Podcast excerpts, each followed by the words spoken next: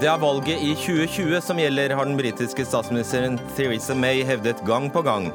Helt til hun i dag gjorde helomvending og ba om nyvalg allerede 8. juni. Fem mediehus felt, og to fikk kritikk av pressens faglige utvalg i Lommedalen-saken. Tyrkerne i Norge har i langt større grad enn tyrkerne i hjemlandet stemt for mer makt til president Erdogan. Hvorfor sitter de i verdens mest demokratiske land og stemmer for mindre demokrati? Og time etter time med intervjuer av folk som ikke engang var til stede, eksperter som sitter og gjetter, politikere som fordømmer.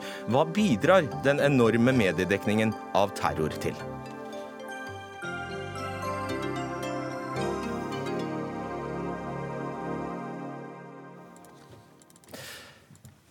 God kveld og velkommen til Dagsnytt 18. Mitt navn er Fredrik Solvang. I dag ble hele fem medier felt i PFU for brudd på Vær varsom-plakatens punkt 4.8, som omhandler omtale av barn. To andre fikk kritikk. Fellelsen kom i Lommedalen-saken, der barn ble omtalt som mobbere etter at en 13 år gammel jente døde av avmagring på Beitostølen for to år siden. Rådet kom fram til at TV 2, NRK, NTB, Dagsavisen og Dagbladet gikk for langt i å omtale barn som mobbere i sakene rundt denne tragedien. Og Liv Ekeberg, du er eh, PFU-leder i denne saken i dag. Dere har altså brukt en hel dag. Det er en spesiell sak, og dere har faktisk aldri behandlet en sånn type sak en hel dag eh, før. Det stemmer. Det er uh, veldig spesielt. Vi har hatt uh, et heldagsmøte om det som kalles barnepunktet i Vær varsom-plakaten. Uh, det er veldig fint, syns jeg, som utvalgsmedlem, at daværende generalsekretær Nils Øy ba utvalget om å vurdere hvordan mediene hadde håndtert denne svært vanskelige og spesielle saken. Hva har Pressens faglige utvalg kommet til? Av de ni innklagede mediene så har eh, PFU faktisk eh, felt sju av mediene for brudd på plakatens eh, barnepunkt. Og dette punktet, hva lyder det?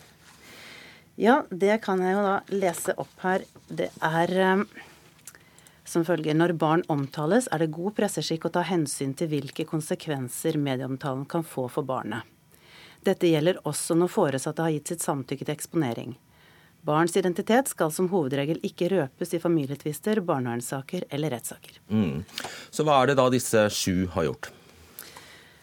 Ja, PFU mener at disse sju ikke i tilstrekkelig grad har tatt forbehold når de har brakt videre påstander om mobbing.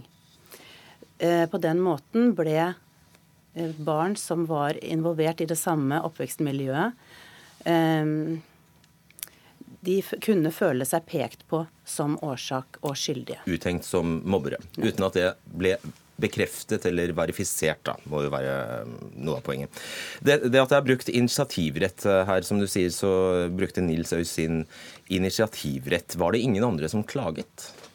Eh, det var det, men eh, vi hadde eh, klage fra foreldre til noen av de barna som følte seg da uthengt i norske medier.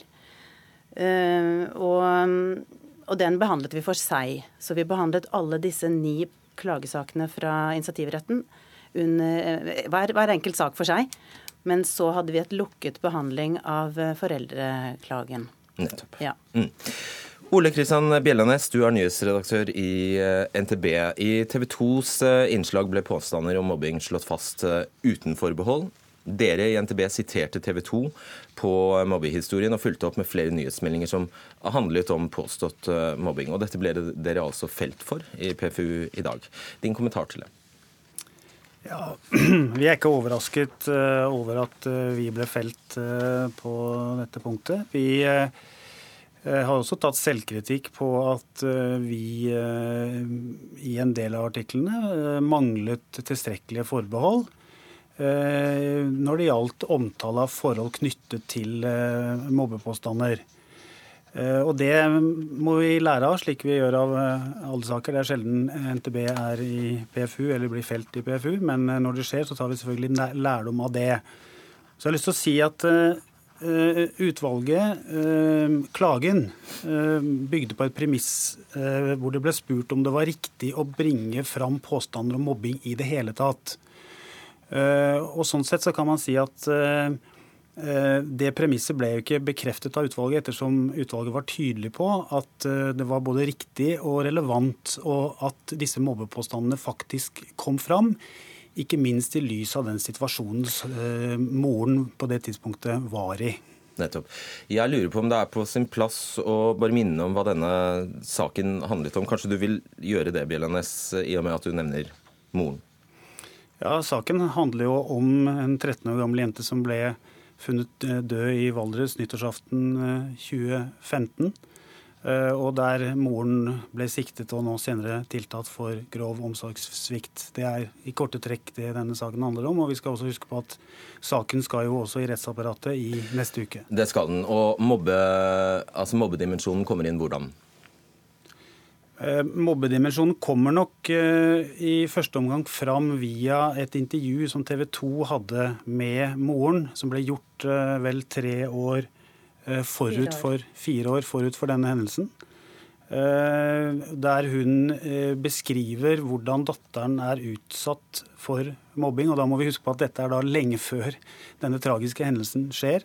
Og Det blir da trukket fram og begrunnet trukket fram for å belyse en, en situasjon. Det som PFU har vært opptatt av, og som eh, vi alle er opptatt av, det er hvilken årsakssammenheng eh, som er trukket mellom eh, påstått mobbing og det utfallet denne saken, eh, saken, fikk. Og Da vet jo du som erfaren pressemann veldig godt at dere har et selvstendig eh, ansvar for å bringe til torgs eh, motstemmene og tilsvar i en slik situasjon. Det er altså det dere ikke har gjort. Det er jo veldig, om jeg får si det, banalt. Mobbesaker er vanskelige. De er svært vanskelige å gå inn i i det hele tatt. Eh, som jeg sa, så sier utvalget noe om dette i sin uttalelse. Eh, det, det, er klart at vi her i denne saken bygde i stor grad på det som kom fram gjennom morens vitnemål i, i, denne saken. Vi hadde også en lang rekke saker. Eh, I det tidsrommet dette, dette pågår, så hadde vi 26 artikler om denne saken. En lang rekke av dem Eh, gikk eh, veldig langt i å prøve å belyse forholdene ved skole, i forhold til eh, vernemyndigheter, i forhold til andre typer myndigheter. Mm. Så det er viktig å, å ha med det òg, at vi gjorde et viktig og et grundig arbeid for å prøve å bringe lys i denne saken. Og Hva skal pressen da gjøre hvis en mor fremsetter en slik påstand mot egentlig anonyme, anonyme personer? Eh, inkognito personer. Hva skal, hva skal pressen gjøre? Utvalget har i dag sagt at det er eh, helt på sin plass av norske medier å løfte fram eh, mobbesaker. Eh, at det er riktig også å bringe inn påstander fra en mor. Men at det er ytterst viktig å presisere at dette er påstander fra én side av saken. Og det er ikke norske medier som skal dele ut skyld eller ikke skyld. Men tror du ikke leserne og lytterne og seerne skjønner det? At dette er, dette er påstander fra en mor. Og det er det det er. Det som skjedde i disse uh, dagene rett etter at uh, dødsfallet ble kjent, var at det kom et ras av artikler på nett og innslag i, i riksmedia hvor påstandene ble referert fra TV 2, men hvor man utelot å nevne at påstandene kom fra mor mm. til TV 2. Og der har du kanskje, kanskje ligger hunden begravet der. Altså en følgefeil, på en måte. Bjellanes, dere som altså er et telegrambyrå som har den eh, store distribusjonen dere har, påhviler ikke dere et ekstraordinært, et særegent eh, presseetisk ansvar? Vårt ansvar er det samme som alle andres, men vi tar Følgene blir så mye større ofte? Det du sier, svært alvorlig hver eneste dag og hver eneste time på døgnet. Så gjør vi også eh, feil, som eh, veldig mange andre. Vi, eh, vi er nøye på å, rette de feilene vi gjør. Vi er nøye på å gjennomgå hva vi faktisk har gjort internt, slik at vi ikke gjør de samme feilene. I denne saken har vi gjort noen feil. De skal vi også gjennomgå. Vi skal drøfte dem og gå nøye gjennom dette, slik at vi er tydelige på hva vi faktisk gjorde feil. Og som jeg bare, bare understreker det, vi er svært, svært, tar svært, vårt ansvar svært alvorlig når det gjelder å ikke å bringe feil, som vi vet også da kan bli feil hos andre. Hos det er godt å høre. Det er godt å høre. Ekeberg. Eh, utvalgets medlemmer berømmet også norske medier for gjennom tilsvarsrunden å gå i seg selv. De aller fleste gjør det. Gjennom denne eh, prosessen med klagesakene så har det foregått mye intern læring. Det føler vi oss sikre på. Men det er altså som det står på forsiden av Vær varsom-plakaten, pressens egen etikkplakat. Ord og bilder er mektige våpen, misbruk dem ikke. Og Det som da er veldig, veldig viktig for meg å få sagt, er at etter denne dagen så håper vi at for eh, norske altså foreldre og barn i Norge skal føle seg trygge på at hvis de, i, eh, hvis de kommer i kontakt med norske redaktørstyrte medier, så skal de føle seg trygge på at det blir tatt grundige vurderinger for at man ikke eksponeres på en måte som kan få vanskelige eh, konsekvenser for barna med en gang og i ettertiden. ikke sant? Da får du avslutte med to velvalgte ord om tillit. Bilanes. Nei, Det er svært viktig det Liv sier. Eh, og så er det samtidig også viktig å si noe om at mobbing er et samfunnsproblem. Eh, mobbing må omtales. Det som da er viktig, det er at vi gjør det på riktig måte, som ikke fører til at barn blir skadelidende. Takk skal dere ha, Ole Kristian Bjellenes og Liv Ekeberg. Dagsnytt 18 alle hverdager kl 18.00 på NRK P2 og NRK2.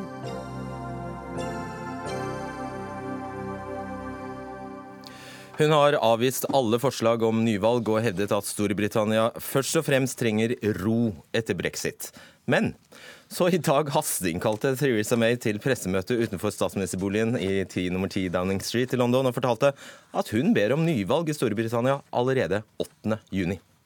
Since I became Prime Minister, I have said that there should be no election until 2020. But now I have concluded that the only way to guarantee certainty and stability for the years ahead is to hold this election and seek your support for the decisions I must take. And so tomorrow, I will move a motion in the House of Commons calling for a general election to be held on the 8th of June. Da har vi med oss eh, korrespondent i London, Espen Aas. Hun er kjent som en forsiktig politiker, egentlig, Theresa May. Eh, hvor overraskende er denne brå vendingen? Den er eh, veldig overraskende, og ikke overraskende i det hele tatt. Den er overraskende i den forstand at eh, hun har tviholdt på, helt siden hun ble utnevnt som statsminister, at det var uaktuelt å skrive ut noe nyvalg før i 2020. Det er også for så vidt teknisk sett litt trøblete å få til et nyvalg under eh, de nye reglene, men ikke overraskende i den forstand at hun har blitt en veldig populær statsminister hos britene, og fordi hennes konservative parti på enkelte målinger leder med over 20 prosentpoeng på opposisjonspartiet Labour. Dette var nok til sjuende og sist en sjanse som var for god til å la slippe. Men så har hun det flertallet i parlamentet hun har. Og det kreves altså to tredels flertall der for å få gjennom eh, et uh, nyvalg. Får hun det fra bl.a. Labour? Labour-leder Jeremy Corbyn var raskt ute i dag og lovet at han kom til å støtte dette. Dette blir jo veldig viktig lakmustest for han på hans lederskap. Han og hans eh, partifeller, i hvert fall de som støtter ham, har jo sagt at han er en valgbar mann. Eh, en som kan lede landet, en som kan få flere stemmer enn de konservative. Vel, nå får han bevise det og kanskje stilne sine kritikere. Eller så får kritikerne rett. Samtidig så har vi Liberaldemokratene, eh, som jo led et enormt valgnederlag i 2015. De ligger an til å gjøre nærmest et brakvalg sammenlignet med det, og kan nok stjele bl.a. en god del stemmer fra nettopp Labour. Så det er mange partier her som mener at de kan vinne på et uh, nyvalg, og noen som vel da, som Labour, uh, ikke tør å la, dette, la denne sjansen gå fra seg for å bevise noe. Kristin M. Haugevitt, du er seniorforsker ved NUPI. Ja, vi trenger et sterkt og stabilt lederskap eh, for å føre oss gjennom brexit, sa eh, May i dag. Samtidig anklaget hun det britiske Labour-partiet for å sabotere utmeldingen. Eh, stemmer det at Labour har skapt så mye bråk og problemer? Nei, eh, på en måte så kan man vel si at, eh, at, Theresa May har fått ganske god støtte for at eh, folkeavstemningsresultatet skal respekteres, også fra Labour. Det er riktig å si at parlamentet har holdt regjeringa ansvarlig for sin politikk ved bl.a. Å, å kreve at, at strategien for brexit-forhandlingene skulle godkjennes i parlamentet osv. At, at man har forsøkt å holde regjeringa ansvarlig gjennom å, å sikre parlamentarisk kontroll. Eh, men samtidig så, så, er det jo mye som tyder på at Theresa May kanskje har en interesse av å gjøre dette til et valg om lederskap. da, eh, Og sånn sett kanskje, kanskje legge på bordet denne påstanden om at, at eh, de andre partiene har ikke vært så villige til å, til å, gjennomføre en god brexit for landet. Et slags påskudd, altså. I hvilken grad er det riktig å skylde på ja, hovedsakelig Labour og Liberaldemokratene? Ja, det, det, er jo egentlig et litt vanskelig spørsmål, gitt at, eh, gitt at Labour og, og Liberaldemokratene egentlig ikke har skodd seg så veldig godt på, på hele brexit. Eh, på meningsmålingen så ligger jo tvert imot, eh, som det også ble sagt der, de konservative svært godt an. Eh, så på en måte så kan man kanskje si at, at eh, Theresa May ikke trenger dette valget. På den annen side så kan det være en mulighet til å styrke posisjonen ytterligere, fordi brexit-forhandlingene kommer til å bli tøffe. Og med et sterkt mandat i ryggen så vil man også minimere opposisjonen i mye større grad. Er det så enkelt, Espen Aas? Er det det hun trenger? Rett og slett større mandat? Eller sterkere mandat? Ja, Det gjør hun absolutt. Eh, hun led faktisk nylig et nederlag etter å ha lagt fram statsbudsjett eh, hvor de eh, foreslo en ekstra skatt for selvstendig, nærings, selvstendig næringsdrivende. 20 av hennes egne partimedlemmer sørget for at de ikke fikk flertall for denne skatten, snudde seg mot henne. Og det var en påminnelse om at et knapt flertall noen ganger er i knappeste laget. Eh, hvis hun nå kan styrke dette flertallet, og de mest optimistiske spåmennene, i den grad man skal tro på noe sånt lenger, mener jo at hun kan få et flertall på så mange som 100 representanter. Og får hun stort nok flertall, så er hun mer eller mindre sikret mot de som måtte gjøre opprør til høyre i partiet, eller for det saks skyld de som måtte gjøre opprør til venstre i partiet. Og under avstemningen rundt denne eh, brexit-meldingen som de trengte å få gjennom før de kunne eh, iverksette artikkel 50, så var det jo opprørere innad i eget parti som presset henne og regjeringen til å gjøre en hestehandel med å gi parlamentet siste ord i eh, utkastet til løsning med de 27 andre EU-landene når det foreligger om knappe to år. Det er en stund til eh, juni, Haugevik. Eh, tallene er jo veldig overbevisende. Nå 43% har de konservative mot bare 25% for Labour. Kan hun ha truffet formkurven for tidlig? Det er vanskelig å si. Dette kan bli en maktdemonstrasjon, men det kan også vise seg å være et sjansespill på den måten at f.eks. liberaldemokratene vil øke sin oppslutning. Det var en del poster spesielt eh, i, i, valget i 2015 hvor, eh, hvor liberaldemokratene tapte seter eller mandater til, eh, til, de konservative, og noen av de kan, kan, vinnes tilbake. Det store spørsmålet her er jo hvor godt Labour vil klare seg eh, i, en, i, en, valgkamp. Og som Espen Aas nevnte, Jeremy Corbyn har ikke akkurat vært i, i medvind i det siste, og han vil kunne trenge å mobilisere veldig kraftig for å kunne klare å, å gjøre en god valgkamp og et, et, godt valg, tror jeg. Må han vinne? Eh, å vinne vil nok eh, bli veldig vanskelig, men, men det å, å, forsøke å holde på selvfølgelig flest mulig av de mandatene har, man har nå, eh, og kanskje også finne sammen med de andre partiene, eh, fordi brexit selvfølgelig blir det store spørsmålet her.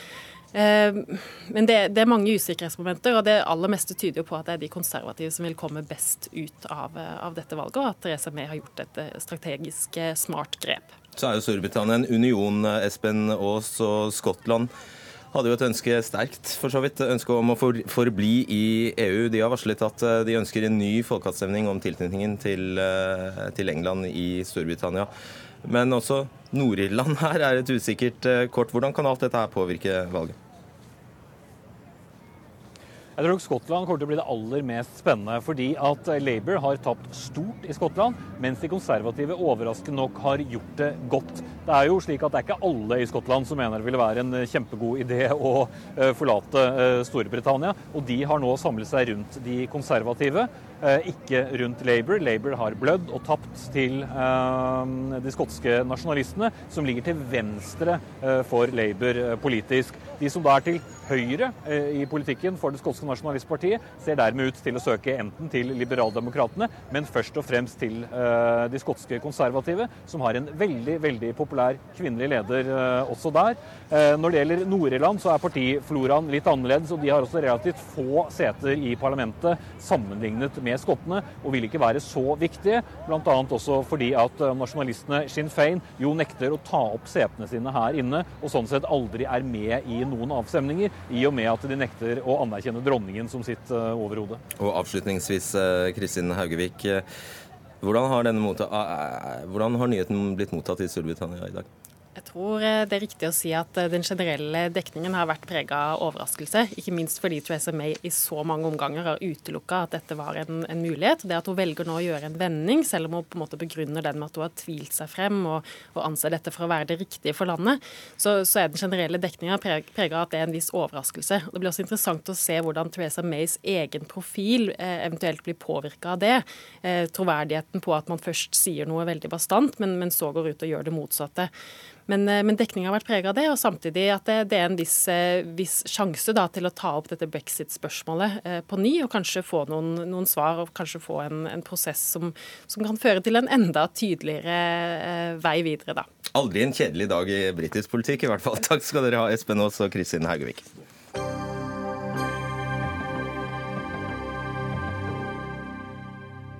Debatten har rast i sosiale medier etter at Aksel Bronnen Sterri nylig gikk ut i tidsskriftet Minerva og forsvarte sorteringssamfunnet. Sånt gjør man ikke ustraffet her i landet, det vet vi. Bronnen Sterri mener kvinner har god grunn til å ta abort ved Downs syndrom, noe bl.a. statssekretær i Frp en statssekretær i Frp reagerte så kraftig på at han kalte Brons Terje nazisympatisør. Og Bakgrunnen for denne debatten er at politikerne nå diskuterer om kvinner skal få eh, ta en såkalt NIPT-blodprøve, som gir enda mer informasjon om barnets helse på et tidlig stadium. Aksel Serri, du er nå doktorgradsstipendiat i filosofi ved Universitetet i Oslo. Vil du utrydde Downs syndrom? Eh, det er vel litt hva man mener med det. Altså, jeg tror eh, Noen tror at jeg har lyst til å drepe alle mennesker med Downs syndrom, og det stemmer selvfølgelig ikke. Eh, men det forutsetter jeg at du ikke vil. Ja. ja. Men hvis det var mulig å f.eks. si vi kunne tatt en vaksine slik at ingen ble født med Downs syndrom, så ville det vært en bra ting, mener jeg. Og slik sett er jeg da for å utrydde Downs syndrom. Hvorfor er det en bra ting? Nei, altså, jeg tenker at uh, for ett menneske da, som skal komme til denne verden, uh, så er det bra å leve et liv sånn som vi to kan gjøre nå. Vi kan ha disse spennende samtalene. Uh, vi har et høyere kognitivt nivå enn det personer med Downs syndrom gjør, har. da.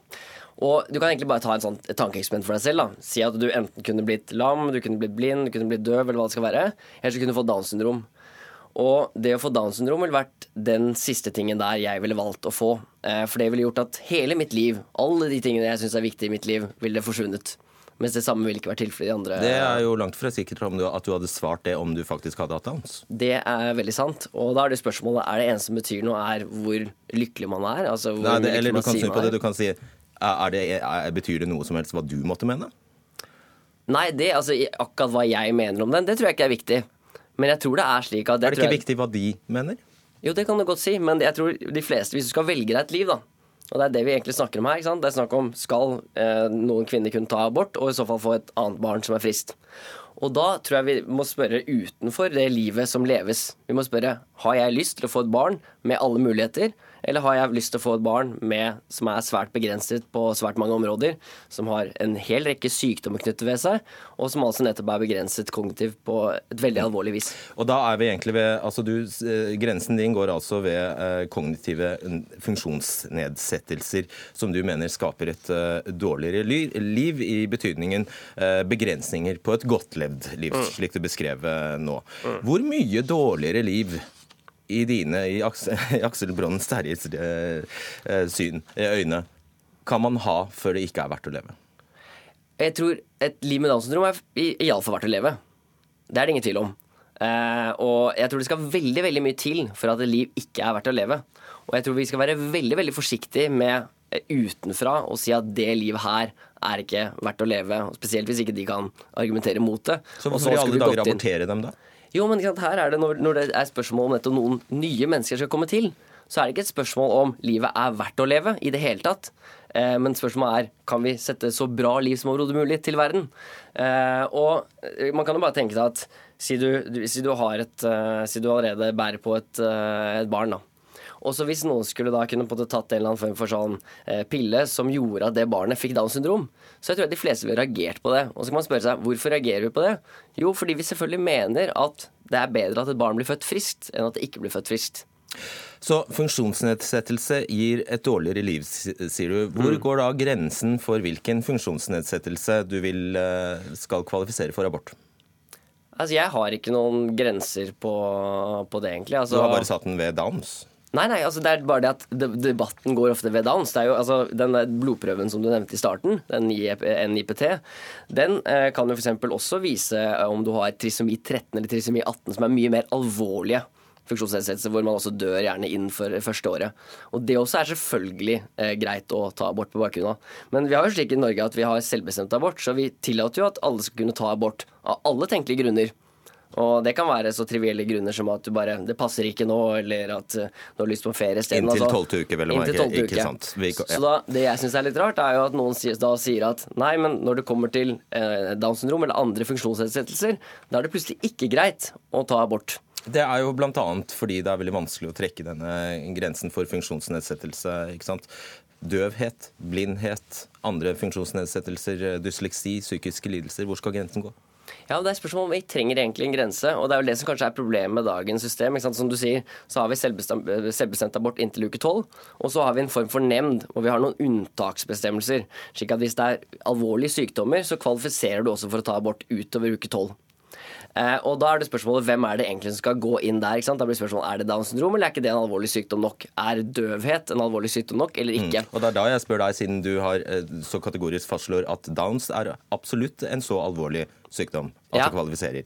Og da spør jeg hvilke andre alvorlige sykdommer kan du tenke deg? Ja, og er der, I dette nevnte Minerva-intervjuet så var det også snakk om hva kan vi gjøre for eksempel med psykisk sykdom. Og Det er jo her det begynner å bli alvorlig. ikke sant? Det her begynner å bli ubehagelig, for dette ligner da nettopp på disse tingene som han statssekretæren fra Frp eh, var opptatt av. Men det jeg i fall tenker er at vi heller burde vi prøve å lage et system som er så godt som overhodet mulig. Og da bør vi gi kvinner så stort spillerom som overhodet mulig til å bestemme hvilke barn de setter til verden. Og det bør vi helst ikke gjøre ved å sette disse sykdommene her, døvhet eh, eller om det skal være andre ting, som bør innlemmes i den alvorlige sykdom. Vi burde heller flytte abortgrensen fra uke 12 til f.eks. uke 20. Fri abort inntil uke 20. Det har vært en bedre løsning. ja. Og da er du kvitt problemet, mener du. Da er man kvitt problemet. Hva hvis du da får et uh, konstatert et Downs-barn etter uke 20? Ja, da kan man vurdere å ha en nemnd da, ellers kan man flytte det til ja, uke så da skal du bare flytte denne grensen, da? Ja, så ikke sant? Det vil jo aldri være reelt Nå tar jeg på en måte spørsmålet ditt på alvor, da, men det vil jo ikke være relevant her. For du har jo en blodprøve for eksempel, som du kan ta før uke 12 til og med, som er den NIPT. Eller så kan du ha en fostervannsprøve som uansett vil skje før uke 20. Men si at det nettopp var mye mer alvorlige sykdommer da, som du kunne på en måte funnet etter uke 20, Ja. så måtte man vurdert om man også skulle på en måte hatt eh, visse unntaksbestemmelser, eller igjen flyttet abortgrensen enda et eh, steg videre.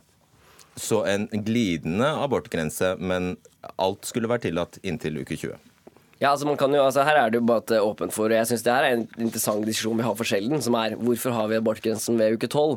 Eh, Fins det gode argumenter eh, for å stoppe den der, og ikke stoppe den ved 20, eller kanskje stoppe den ved 23? Du konkluderer at eh, dette unntaket som finnes i dagens eh, paragraf, eh, altså i dagens abortlov, paragraf eh, 2c, som altså sier at man kan ta abort hvis det er stor fare for at barnet kan få alvorlig sykdom, bl.a., er, en- er motivert av en praktisk begrensning og ikke en vurdering av fosterets eh, liv. Hvor går da grensen din, hvis det er en praktisk begrensning?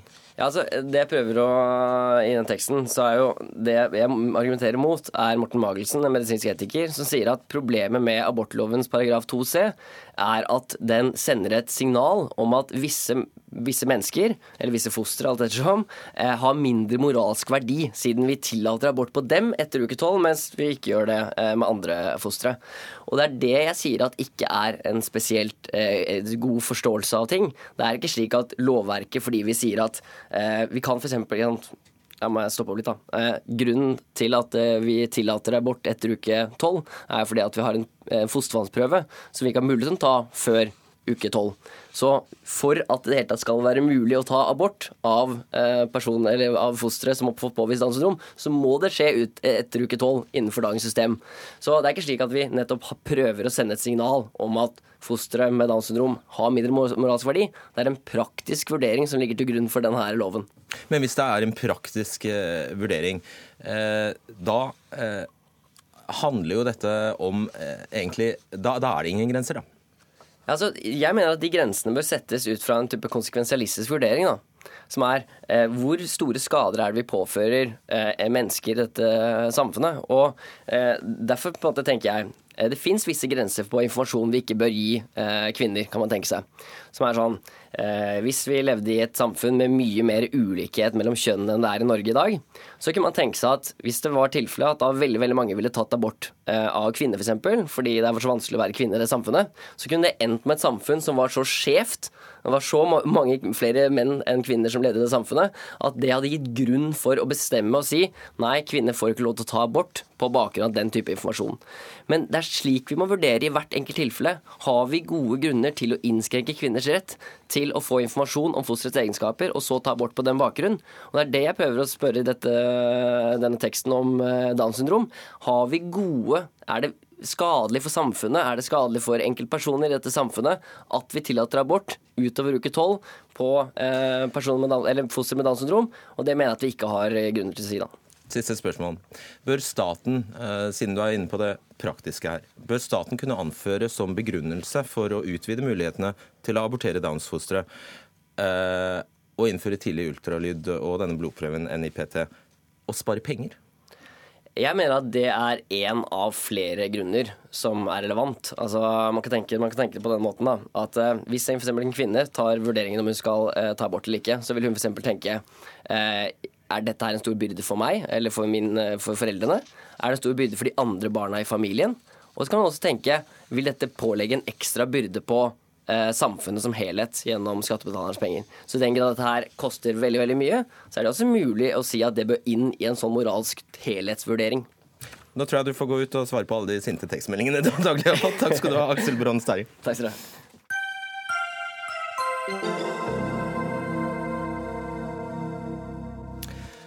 Blant oss her i Norge nå bor det 2193 mennesker som stemte ja i folkeavstemningen i Tyrkia, altså for mer makt til president Recep Tayyip Erdogan. En president som mange mener fører Tyrkia inn i et diktatorisk styresett.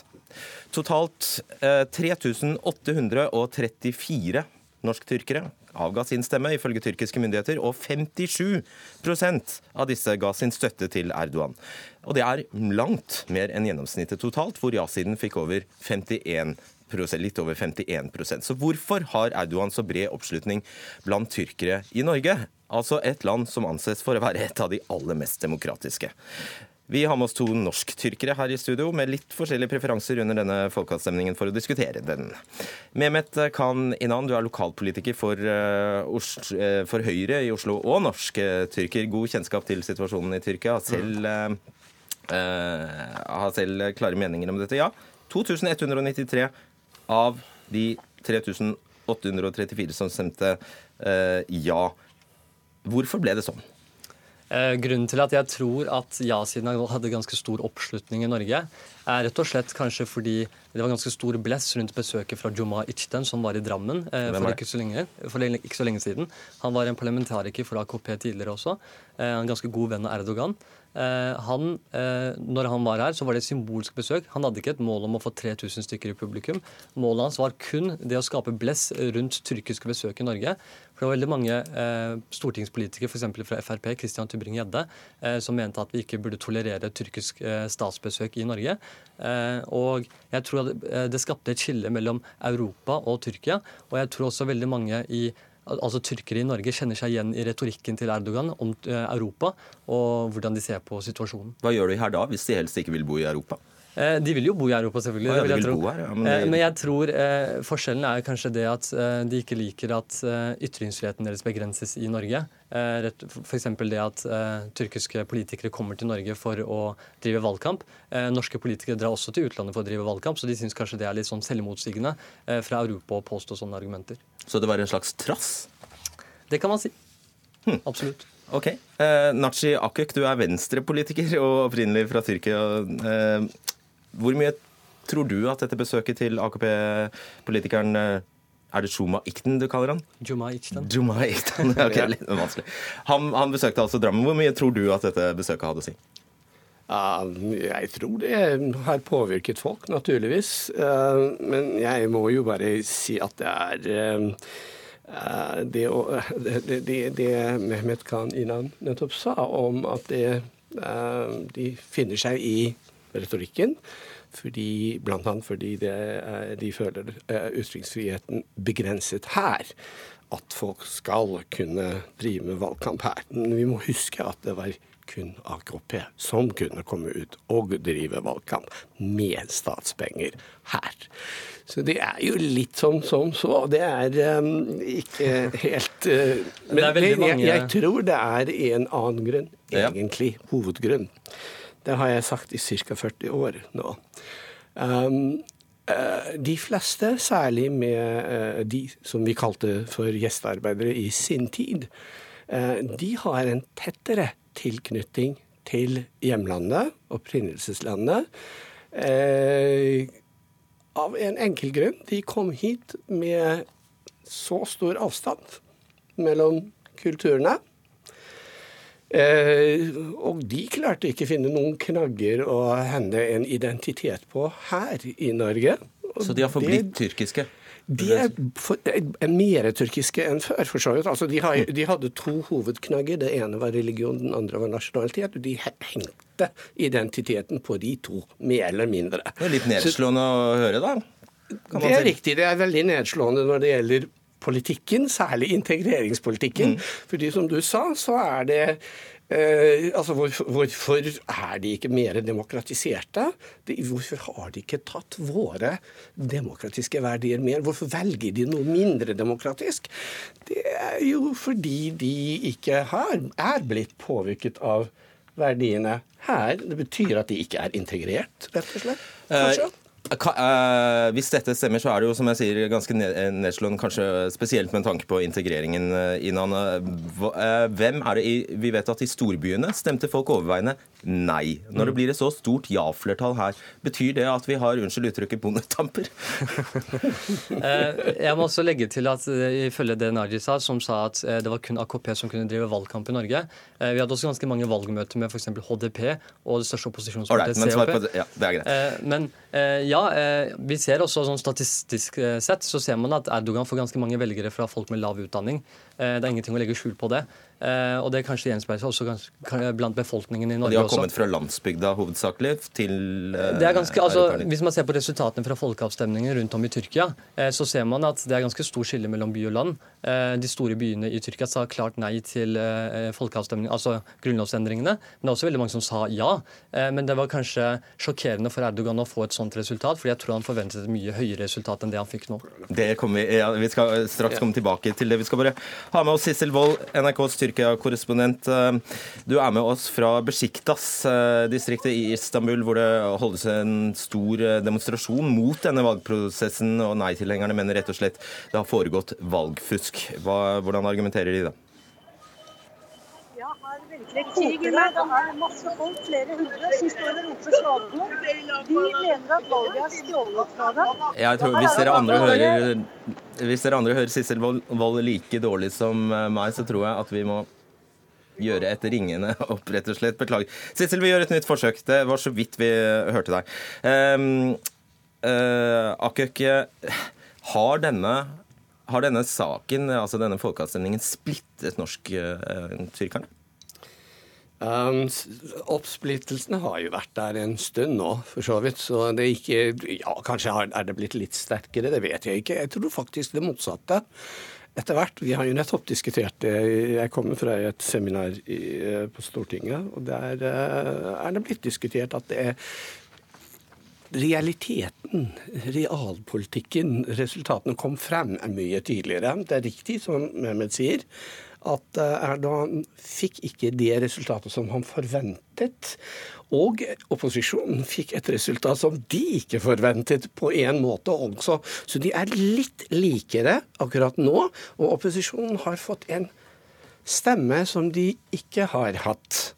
Så det blir kanskje litt lettere. Men ja, selvfølgelig. Polariseringen har vært et verktøy for Erdogan hittil. Hva er det vi ser i Europa, Mehmet Khan?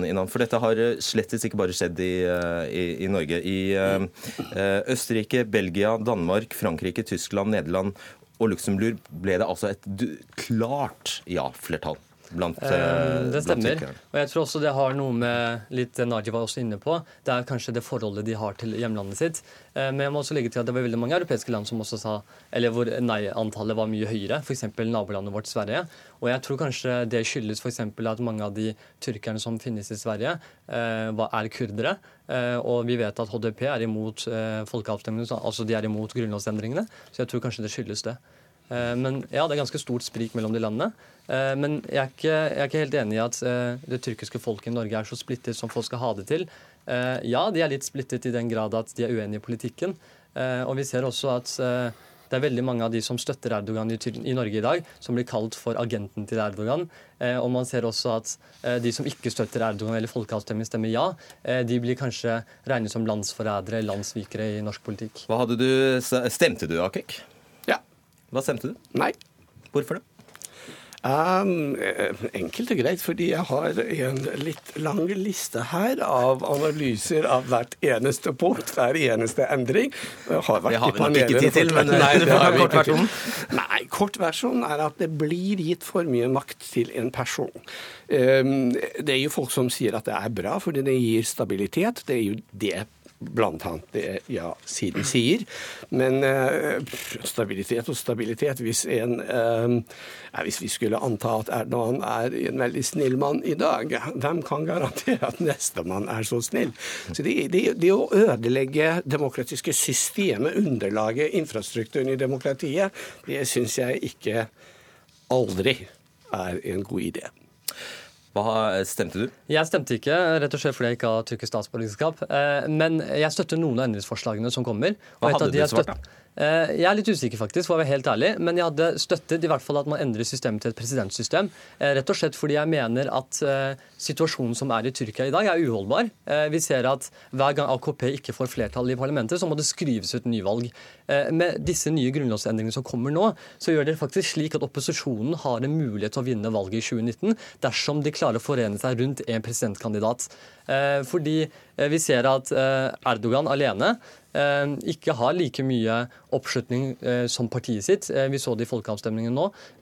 Og han fikk et lavere resultat, eller et lavere resultat enn han tenkte i første omgang. Så jeg tror kanskje det skyldes det. Du rister på hodet. Ja, ja. med en gang. det er jo utrolig vanskelig å si hvordan det skal skje. fordi det er jo, som sagt, det er litt en lang liste. Men det den gjør, er at det med valg samtidig av president og Stortinget, så får den eh, presidenten en totalmakt med mulighet til å utnevne mer eller mindre alle Eh, eh, dommere og høyesterettsdommere, så blir han uanklagelig presidenten, ikke nødvendigvis Erdogan. Nå snakker jeg ikke om personen, men embete. systemet, embetet. Så det blir utrolig vanskelig hvis noen sitter der og fjerner ham, rett og slett. Jeg tror vi setter eh, strek der. Det var dumt at Sitselvold falt ut, men det var veldig ja. bra dere kom. Takk skal dere ha. Nachi Akek og Mehmet Khan Inan. Hør Dagsnytt 18 når du vil. Radio NRK Radio.nrk.no.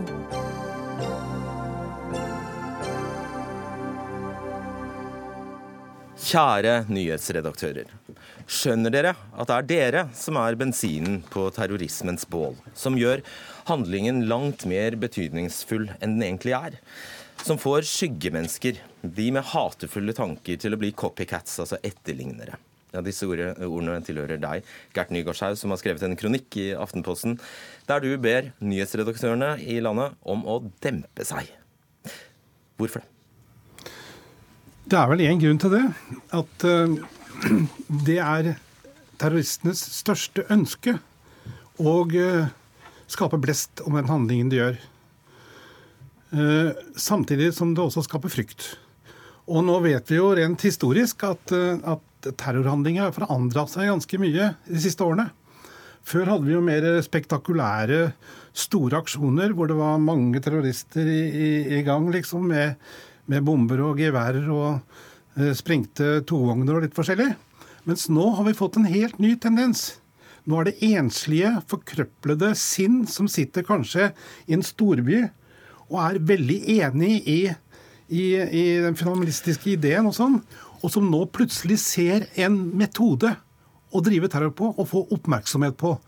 Og det er klart det at dette skaper copycats. Jo mer pressen, og ikke minst TV, ruller dette ut, jo flere får de. Men du vil jo ikke at det ikke Jeg skjønner at det er bensin på bålet, men du vil jo ikke at det ikke skal rapporteres, vel? Nei, nei, men det bør rapporteres med en viss, uh, viss uh, størrelse, ikke sant? For det skjer jo utrolig mange andre ting i verden nå. Eh, omtrent samtidig med f.eks. Eh, NIS-terroren, så var det bussulykke i England hvor det eh, gikk med åtte stykker, og en del ble skada. Men skal Gert Nygaardshaug da gripe inn og si nå er det nok? Nei, det er ikke jeg som gjør det. Gjøre... Det, det, er, det er liksom at man må besinne seg. Man hører jo, altså Det blir jo rulla ut minnehøytideligheter. Eiffeltårnets lykter slukkes. Det er kransenedleggelse, det er intervjuer med, med sørgende og slektninger og, og bisittere og gud veit. Altså, Dette rulles ut. Og terroristene de sitter her og koser seg og ler. Ja, se hvor vi har oppnådd. Mm. Det er bensin. Skjønner Alexandra Beverfjord, nyhetsdirektør her i eh, NRK. Eh, har vi et ansvar for ikke å gi terroristene den oppmerksomheten de så absolutt ønsker seg? Vi har et eh, ansvar for å dekke nyhetsbildet. Eh, det er det pressen er for å gjøre. Og det er klart at Jeg eh, har jo forståelse for den debatten som reises her, med copycat-problematikken osv. Men vi må også huske på at vi lever i en tid der tradisjonell presse ikke er den eneste informasjonskanalen til folk. Vi har i dag tilgang på internasjonale nyhetsmedier, vi har tilgang på sosiale medier. Over halvparten av befolkninga oppdaterer seg i dag på Facebook. Og der florerer det av udokumenterbare rykter og påstander i en sånn situasjon. Og klart at Det er ekstremt viktig at vi som presse er der og gir en, en faktabasert eh, orientering om hva som skjer løpende i en sånn situasjon. Vil du beherske deg, som Nygaardshaug appellerer til? Ja, jeg mener Vi har veldig gode diskusjoner internt i redaksjonen når eh, sånne hendelser oppstår. Og Det går på hva vi publiserer, omfanget av det, når er det så stort, når er det så stort. Alt dette blir jo løpende vurdert. Men det er klart at det, når en sånn hendelse oppstår, når vi har en terrorsituasjon i en europeisk by, så oppstår det et enormt informasjonsbehov hos befolkninga. Og det er pressen nødt til å levere på. Og den informasjonen er heller ikke pressen alene om å gi. Vi har jo en plikt. Jo, jo, de har en plikt, men altså, har dere en plikt til f.eks. å vise statsmenn som kondolerer. Eh, altså Det jeg nevnte om lysene i Eiffeltårnet som slokkes, intervjuer, blomsternedleggelser, sørgehøytideligheter. Er dette en informasjonsplikt som er viktig? Ja, Det vil jeg absolutt si. Altså, når vi tar de terrorhendelsene som rammer veldig mange mennesker, og som selvfølgelig berører eh, også eh, naboland og, og, resten av Europa, så er det klart vi skal ha en dekning også av minnemarkeringa og det som skjer. Men det er forskjell på et snøskred som går i Nord-Norge, hvor det kanskje blir drept en del mennesker og en terrorhandling. Et snøskred har ingen smitteeffekt, og der kan vi godt bruke litt tid på ja, sånne ting. Men, men, men, altså, en terrorhandling har smitteeffekt, skjønner dere det? Jo, men For det første så er ikke forskninga entydig på copycat-teorien når det gjelder terrorisme. Det er det ene. Og det andre så må vi huske på at de sakene vi snakker om her, det handler om IS. Og IS er som kjent har som kjent utvikla et veldig eh, stort propagandamaskineri for å drive rekruttering. Og den rekrutteringa skjer ikke gjennom tradisjonelle medier for dem primært. Den skjer gjennom sosiale medier, der de bruker effekter fra spill, fra filmverden, for å nå og snakke direkte til unge menn som kan rekrutteres. Og det er noe annet enn at, eh, at dette skjer gjennom uh, tradisjonelle medier. Kar Steiro, du er sjefredaktør skal få slippe til straks, men du er sjefredaktør og administrerende direktør i uh, VG. Hvordan vil du selv beskrive deres VGs dekning? Av den siste hendelsen? Da, den var direkte, den var svært omfattende, sånn som den burde og skulle være. Dette var en uh, hendelse uh, Dette er en lastebil som kjører meier ned folk i en travel gate i Stockholm. Det, hendelsen i seg sjøl sprer enormt mye frykt. Terrornivået i, i Norge, terrorberedskapen i Norge ble økt. Og det er klart at vår, Jeg mener at vårt ansvar der er å gi våre lesere svar på flest mulig spørsmål mm. fortest mulig. Kan det være at du også bidrar til frykt? Ja, det tror jeg at vi Jeg, tror nok, vi, jeg vil ikke si at vi bidrar til frykt, men jeg vil si at den hendelsen sprer frykt. Det tror jeg. Men tror du ikke tror... folk blir redde når de ser skrift, øh, krigstypene? Jo, men, men det, jo, det, er jo ikke rapport... Jeg mener jo at hendelsen i seg sjøl er jo særdeles skremmende. Og jeg mener det at Vi må rapportere om denne hendelsen. Det er en så stor hendelse at jeg mener det er helt riktig av oss å rapportere grundig om den. Og jeg er veldig uenig i altså Det vi må tenke på i denne situasjonen Dette oppstår på en fredag ettermiddag. Og på det tidspunktet dette skjer, så vet vi fint lite. Vi vet at det ligger en veldig mange døde mennesker i Stockholm. Vi vet at det er snakk om et terrorangrep. Vi vet ikke hvor mange det er. Og det, på det tidspunktet så handler det om å gi folk riktig informasjon og mest mulig informasjon. Det er det det handler om. Vi kan ikke der og da begynne Ja, det skjønner jeg, men jeg, unnskyld at jeg avbryter, men litt av, litt av problemet Nygaardshaug eh, beskriver her, er at man vet jo ingenting. Og det er jo da altså at, man, at disse sendingene surrer og går. Dekningen blir mindre og mindre substansiell. Ja, det er mer og mer hairsay. Det er, mer, altså det er folk som ikke har vært til stede engang, intervjues, eksperter sitter og gjetter. Sånne ting driver vi jo med. Ja, jeg, nå, jeg, jeg ikke, deler jo ikke den oppfatningen eller det bildet du beskriver hendelsen. Jeg mener at I Stockholm så skjedde ting veldig raskt, og man fikk ut ganske mye informasjon. Og Det man visste, var jo at det var eh, mange døde, mange skadde, at det var en gjerningsmann på frifot, det var politiaksjoner i gang, og man fikk politiet ut og sa at man regnet med dette var et terrorangrep. Så det var mye informasjon eh, ute med en gang. Og du kan ikke mene Nygaardsheim, at, at mediene skal avbryte dekningen på et visst punkt?